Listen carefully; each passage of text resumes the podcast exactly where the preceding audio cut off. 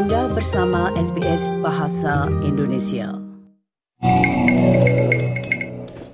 SBS SBS SBS SBS SBS This is SBS Radio.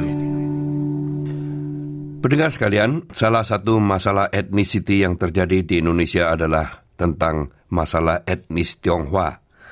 Mengapa hal itu terjadi dan apa yang dapat dilakukan? Berikut ini Ibu Sri Din berbincang-bincang dengan Dr. Xiao Tiang Jin, seorang aktivis kemanusiaan tentang hal tersebut. Mari kita ikuti bersama wawancara berikut ini. Kali ini saya akan berbicara dengan Dr. Xiao Tiong Jin. Beliau adalah pelaku bisnis, seorang peneliti dan juga pegiat sosial. Terima kasih sekali Dr. Xiao Tiong Jin atas Terima waktunya. kasih. Terima kasih untuk waktunya. Memang kalau saya berbicara dengan Bapak itu banyak sekali yang dapat kita angkat, tapi untuk kali ini saya ingin memfokuskan pada maintaining ketionghoaan itu Bapak. Ya, ya. Jadi sebetulnya apa yang dimaksudkan dengan maintaining ketionghoaan itu? Menurut saya ini sejarahnya panjang ya. Jadi perlu diketahui oleh terutama generasi muda, baik yang Tionghoa maupun non Tionghoa, bahwa orang Tionghoa itu sudah berada di Nusantara, di Indonesia sejak beratus tahun yang lalu. Jadi banyak dari orang Tionghoa yang ada di Indonesia ini, uh, bahkan banyak juga orang yang yang dikatakan non Tionghoa yang ada di Indonesia ini bisa dikatakan merupakan keturunan daripada orang-orang yang sudah datang di Indonesia sejak ratusan tahun yang lalu. Nah, di zaman Belanda tentunya uh, di zaman penjajahan timbul kebijakan dari pemerintah penjajah untuk mengkotak-kotakan masyarakat ya, untuk melaksanakan apa yang dinamakan DVD RMPRA ya, jadi divide and rule, di mana pribumi atau yang disebut pribumi uh, merupakan kelas yang bawah, kelas yang tinggi adalah uh, orang-orang Eropa, Belanda terutama tentunya, uh, dan uh, di tengah yang dinamakan uh, orang Asia Timur. Jadi orang Tionghoa itu dimasukkan ke dalam kategori kelas menengah begitu. Uh, jadi memang uh, Tionghoa itu sejak zaman Belanda dijadikan semacam tameng dan ini lalu yang menimbulkan kesulitan yang berkelangsungan sampai di zaman kemerdekaan. Jadi uh, pihak penguasa ternyata belajar dari uh, penguasa Belanda bahwa kalau mau mengamankan posisi politik mereka, terkadang paling gampang adalah menggunakan masyarakat Tionghoa sebagai uh, sapi perahan pertama, sebagai tameng kedua, dan ketiga sebagai kambing hitam dari segala macam uh, masalah yang dialami oleh pemerintah, sehingga kemarahan rakyat terbanyak itu dialihkan ke golongan Tionghoa.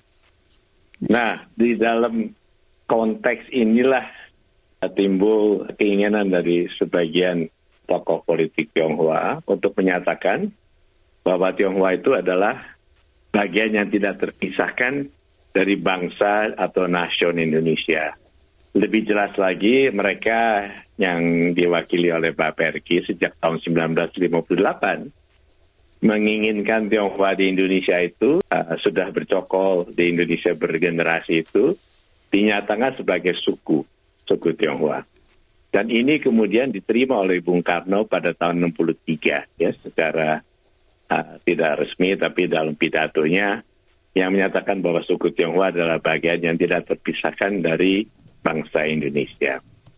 Jadi inilah pegangan yang kiranya ingin dipertahankan oleh banyak orang Tionghoa sekarang ini, sehingga untuk menjadi Indonesia, bahkan menjadi warga negara Indonesia yang memiliki kecintaan tinggi terhadap Indonesia, seorang Tionghoa itu tidak perlu menanggalkan ketionghoaannya. Bapak, Kira-kira begitu cerita ya, panjangnya. ya, saya jelas sekali Bapak. Nah, Bapak, dengan bergulirnya waktu, situasinya kan berbeda ini. Ini saya memang langsung saja itu meloncat itu ibaratnya. Kalau zaman dulu, apalagi kalau kita masuk ke zaman 1965-an itu ke sana itu itu kan memang seolah-olah kedudukan masyarakat Tionghoa di Indonesia itu kan eh, sangat kurang menguntungkan begitu Bapak. Tapi ke sininya setelah terutama setelah pemerintahan Presiden Gus Dur ini situasi kan berubah kan Bapak? Ya, situasi berubah bahkan dalam pengertian hukum dan undang-undang posisi Tionghoa sebenarnya sudah jauh lebih baik. Ya. Jadi ada undang-undang anti diskriminasi misalnya perubahan Undang-Undang Dasar 45, amendment Undang-Undang Dasar 45 sebenarnya memungkinkan orang yang mempunyai darah Tionghoa itu bisa menjadi presiden misalnya. Secara hukum pasti posisi mereka lebih baik. Imlek sudah diakui sebagai hari raya nasional ya. Orang bisa beribadah melakukan berbagai ritual agama yang berhubungan dengan Tionghoa seperti agama Konghucu dan sebagainya di tempat umum barongsai liang leong sudah bisa dinikmati oleh banyak orang di Indonesia sekarang. Tetapi masih ada uh, benih-benih uh, yang negatif. Jadi kalau kita lihat ya, sekarang ini setiap pemilu misalnya, ya orang Tionghoa itu selalu dijadikan sapi perahan. Jadi kalau kita lihat calon-calon pemimpin yang sedang berkampanye, itu selalu kiat mendekati uh, komunitas Tionghoa uh, demi mendapat dukungan, terutama dukungan dana begitu ya dari Tionghoa. Di dalam organisasi-organisasi politik banyak sekali orang-orang Tionghoa yang diikut sertakan tapi diberi posisi bendahara ya karena dianggap Tionghoa itu uh, merupakan sumber dana. Nah ini merupakan perspektif yang negatif saya kira yang perlu dihindarkan. Jadi suku Tionghoa itu hendaknya berkecimpung berpartisipasi dalam berbagai gerakan politik bukan hanya sebagai sapi perahan tapi sebagai uh, komunitas dan tokoh-tokoh yang memang mampu untuk berkontribusi terhadap pembangunan Indonesia. Nah, Ahok saya kira memecahkan uh, dilema ini ya. Jadi dia sudah berhasil menunjukkan bahwa sebagai orang Tionghoa, sebagai Kristen, uh, dia bisa berfungsi sebagai pejabat uh, negara yang baik. Bapak, saya masih ingin itu mendalami tentang apa yang dimasukkan dengan menjaga ketionghoaan itu, Bapak. Iya, jadi ada arus ya yang berkembang uh, pada tahun 60-an untuk menghilangkan ketionghoaan. Jadi arus yang dinamakan arus asimilasi misalnya ya. Uh, ini menginginkan Tionghoa pertama menghilangkan ciri-ciri ketionghoaan. Jadi mereka dianjurkan oleh kelompok ini untuk tidak beribadah di tempat umum, tidak menggunakan nama Tionghoa, begitu misalnya. Jadi mengganti nama-nama Tionghoa mereka menjadi nama-nama non-Tionghoa. Eh, kadang-kadang juga ada anjuran untuk melakukan kawin campuran, sehingga secara biologis mata sipit dan kuning langsat kulitnya itu hilang. Ini yang kemudian sayangnya dijadikan kebijakan resmi dari pemerintah Orde Baru ya sejak tahun 65, 66 sampai tahun 98. Jadi ini yang tentunya ditentang oleh gerakan yang ingin membangun apa yang dinamakan multikulturalisme sekarang ini ya di negara-negara maju. Di mana latar belakang ras, ciri-ciri ras itu tidak merupakan ukuran dalam uh, membangun, dalam berbakti untuk Indonesia. Jadi itu ya. mempertahankan ketionghoanya dalam pengertian kenapa seorang yang berketurunan Tionghoa harus berganti nama misalnya ya. Nah, kenapa orang Tionghoa yang ingin merayakan Imlek secara besar-besaran di tempat umum terbuka itu dilarang. Jadi ketionghoan inilah yang saya kira sekarang sedang berkembang di Indonesia berbicara dalam bahasa Mandarin misalnya menggunakan huruf-huruf Mandarin uh, misalnya itu mestinya diizinkan ya sama dengan misalnya menggunakan huruf-huruf Arab atau menggunakan nama-nama Arab untuk komunitas Arab. Nah, Bapak, bagaimana caranya itu untuk mendapatkan katakanlah pengakuan tersebut, Bapak? Secara hukum sudah dilakukan ya oleh pemerintah. Uh, jadi dalam hal uh, hukum saya kira tidak ada masalah lagi. Yang perlu diperjuangkan tentunya dalam uh, tingkat uh, sosial dan politik umum ya. Kita bisa melihat sekarang banyak tokoh-tokoh politik menggunakan ras ya, menggunakan ras itu sebagai uh, landasan dari program perjuangan mereka. Misalnya saja Yusuf Kala ya baru-baru ini menyatakan bahwa golongan pribumi itu seharusnya menggantikan pedagang-pedagang Tionghoa yang dikatakan 50% menguasai ekonomi Indonesia. Itu ada dua masalah bagi saya. Pertama, 50% itu perlu dipertanyakan ya, dari mana angka 50%. Kedua, kalau Indonesia itu berdasarkan hukum kewarganegaraan, jadi orang yang sudah menjadi warga negara Indonesia, walaupun mereka menguasai 50 atau 90 persen pun mestinya tidak dimasalahkan, ya kan? Apakah itu orang Arab, apakah itu orang Indo Belanda, apakah itu orang Tionghoa? Karena memang Indonesia hanya mengenal satu kewarganegaraan, yaitu warga negara Indonesia. Dan itulah yang menjadi dasar hukum kehadiran mereka di negara Indonesia. Begitu. Bapak, kalau persepsi ini saya menggunakan kata persepsi, Bapak. Kalau persepsi bahwa kelompok Tionghoa atau etnis Tionghoa di Indonesia itu orang-orang yang menguasai perdagangan dan sebagainya itu kan persepsi lama atau Bapak? Ya itu persepsi yang berkembang seperti saya katakan tadi sejak zaman Belanda ya. Jadi mereka dipergunakan sebagai uh, tameng ya dan ini dilakukan pula oleh pemerintah. Jadi dijadikan semacam tameng. Kalau kita melihat dari segi demografi Tionghoa di Indonesia, berapa banyak yang menjadi pedagang besar ya. Memang pada umumnya banyak mereka itu menjadi pedagang eceran ya. Uh, tapi juga tidak merupakan mayoritas mayoritas Tionghoa sebenarnya bekerja sebagai buruh yang tinggal di daerah-daerah seperti uh, Tangerang, Singkawang, dan sebagainya itu bekerja sebagai petani. Uh, sama dengan rakyat terbanyak di Indonesia. Hanya segelintir saja yang menjadi konglomerat, itu pasti. Hanya segelintir saja yang menjadi pedagang besar, yang kaya raya. Pada umumnya mereka uh, mempunyai posisi yang sama dengan uh, mayoritas Indonesia. Nah, keadaan politik dan kondisi politik inilah yang sebenarnya mendorong mereka untuk beralih ke usaha dagang. Karena memang pernah dilakukan semacam uh, lagi-lagi ya tindakan diskriminasi yang melarang mereka untuk bekerja di bidang-bidang lain. Uh, misalnya tidak boleh menjadi anggota ABRI ya, tidak boleh masuk uh, sebagai pegawai negeri uh, tidak boleh memperoleh pekerjaan profesional di berbagai bidang. Uh, sudah jelas diketahui sekarang ada semacam perbedaan kalau seorang dokter yang ingin mengambil spesialisasi itu uh, merupakan seorang Tionghoa sering dilarang ya karena jumlah yang diberikan ditentukan lebih diarahkan ke golongan yang namanya pribumi. Ya, Bapak, tapi apakah hal itu masih berkelanjutan? Itu maksud saya. Tentu masih berkelanjutan, walaupun secara resmi tidak ya, tapi masih berkelanjutan. Nah sekarang bagaimana Bapak? Karena kalau mereka itu memang warga negara Indonesia, jadi bagaimana selama ini usaha yang telah dilakukan untuk memperbaiki kedudukan mereka itu?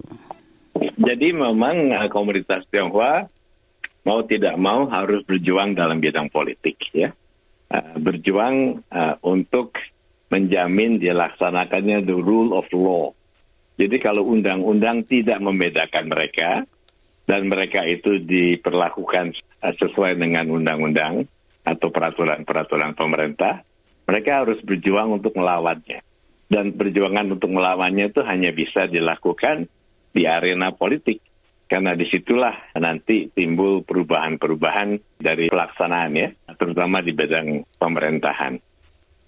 Ya. Jadi perjuangan itu merupakan perjuangan yang jangka panjang memang karena itu mereka memperlu dukungan partai-partai politik, membutuhkan dukungan para anggota DPR dan MPR ya misalnya dan juga uh, memerlukan dukungan uh, dari kelompok pemerintah dari menteri-menteri, dari gubernur-gubernur sampai kepada bupati dan camat dan sebagainya. Bapak sebetulnya bagi ini etnis Tionghoa di Indonesia itu kan sudah dirintis begitu. Artinya itu yang masuk ke politik seperti Pak siapa itu ya Pak Lee itu. Saya lupa namanya. Alvin Lee. Iya, Alvin Lee Ya, itu misalnya.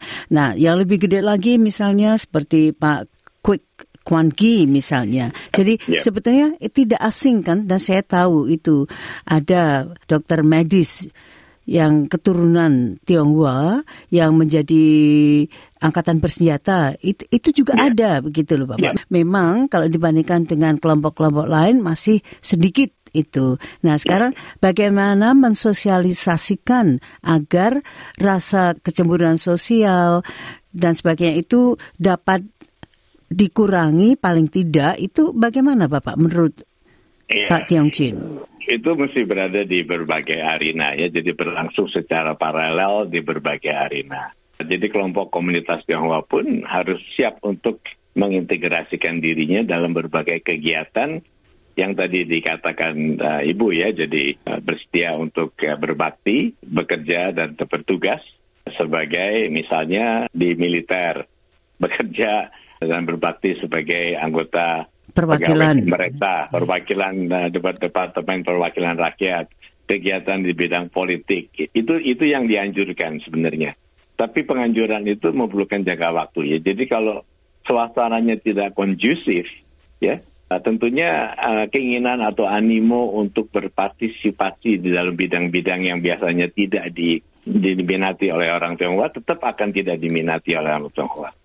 Sebaliknya kalau masyarakat Indonesia tidak terdidik dengan hukum-hukum yang ada ya seperti yang ada di negara-negara maju di mana multikulturalisme itu dari atas sampai bawah ya dilakukan itu juga akan tidak bisa dengan cepat menerima kehadiran orang-orang Tionghoa di bidang-bidang tertentu. Ya, Bapak ini dari penjelasan Dr.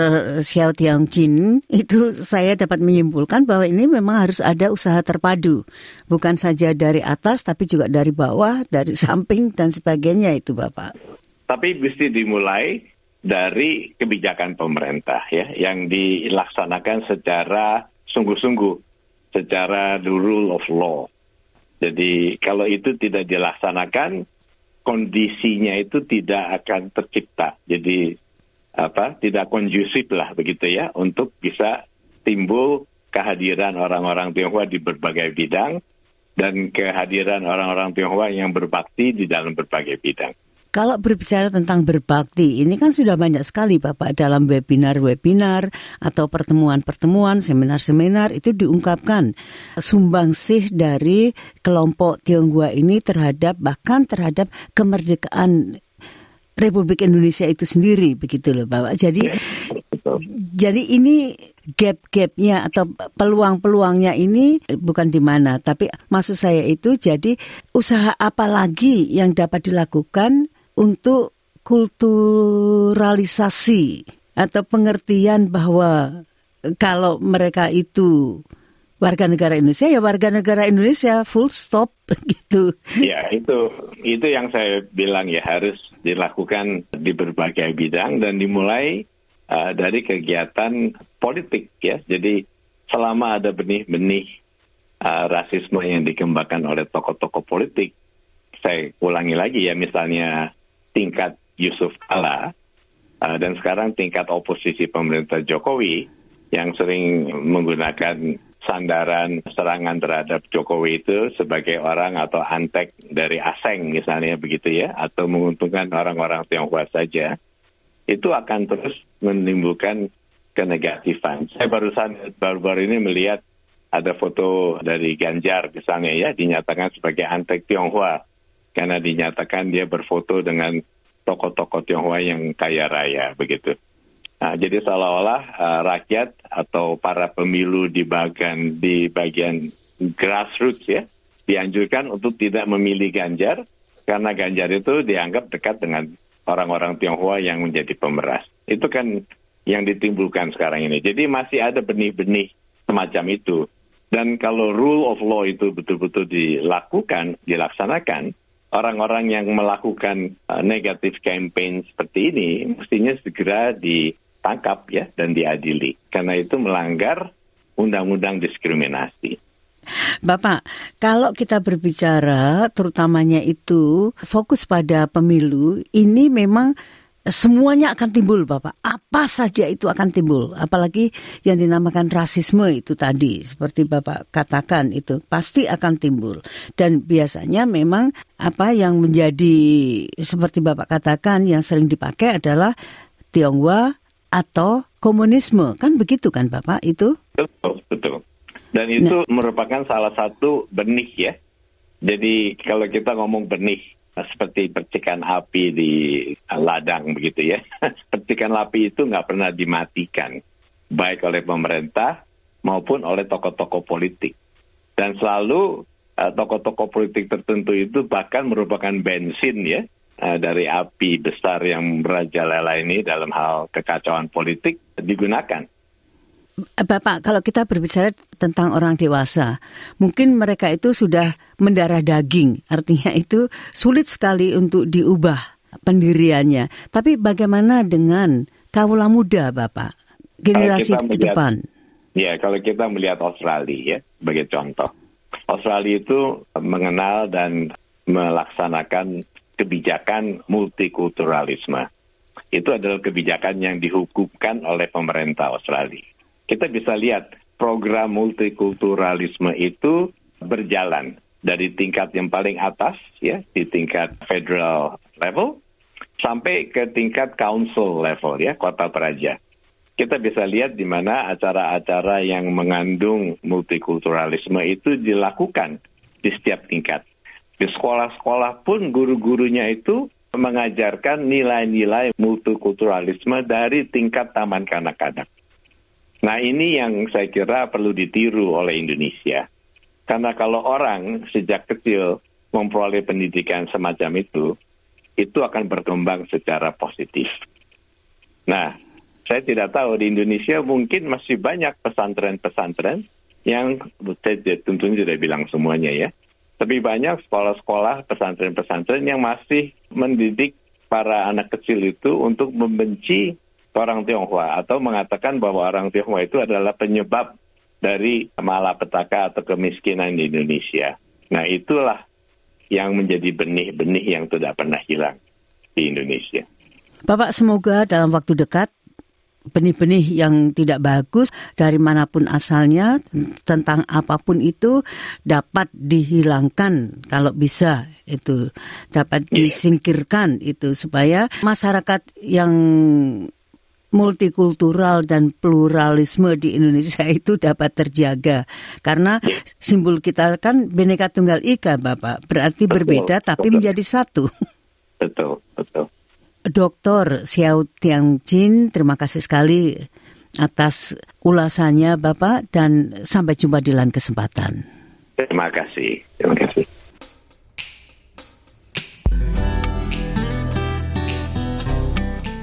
Pendengar itulah tadi Dr. Xiao Tian Jin bersama dengan Ibu Sridin berbincang-bincang mengenai etnik Tionghoa yang ingin mempertahankan etnisiti mereka.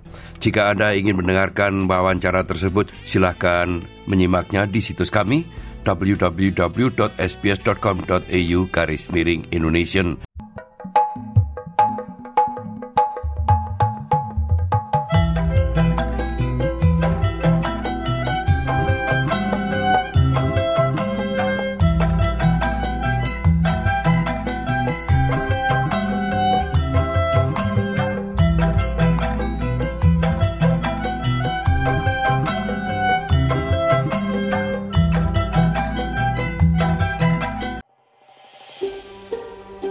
Mendengar cerita-cerita seperti ini?